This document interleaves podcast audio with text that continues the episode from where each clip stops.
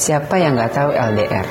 Ya, LDR, long distance rela diapa-apain.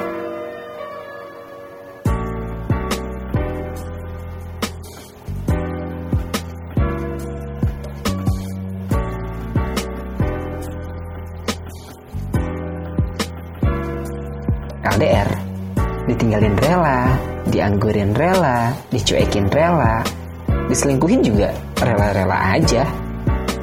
Gue suka bingung, tapi salut juga sih sama orang yang mau untuk menjalin hubungan LDRan.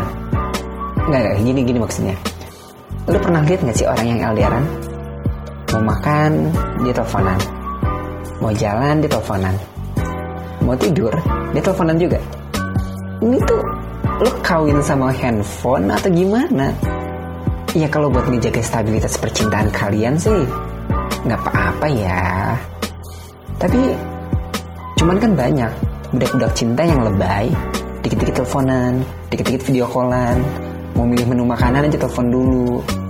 Mau ke WC, mau berak atau mau pipis juga kayaknya izin dulu. Yang bagusnya aku sekarang berak atau pipis aja ya. Ini apa coba?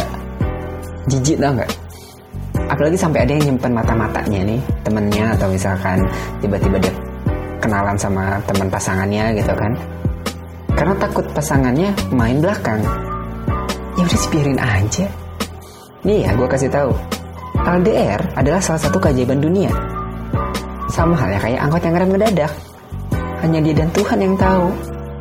Yakin aja lagi pasangan lu tuh gak bakal main belakang kok.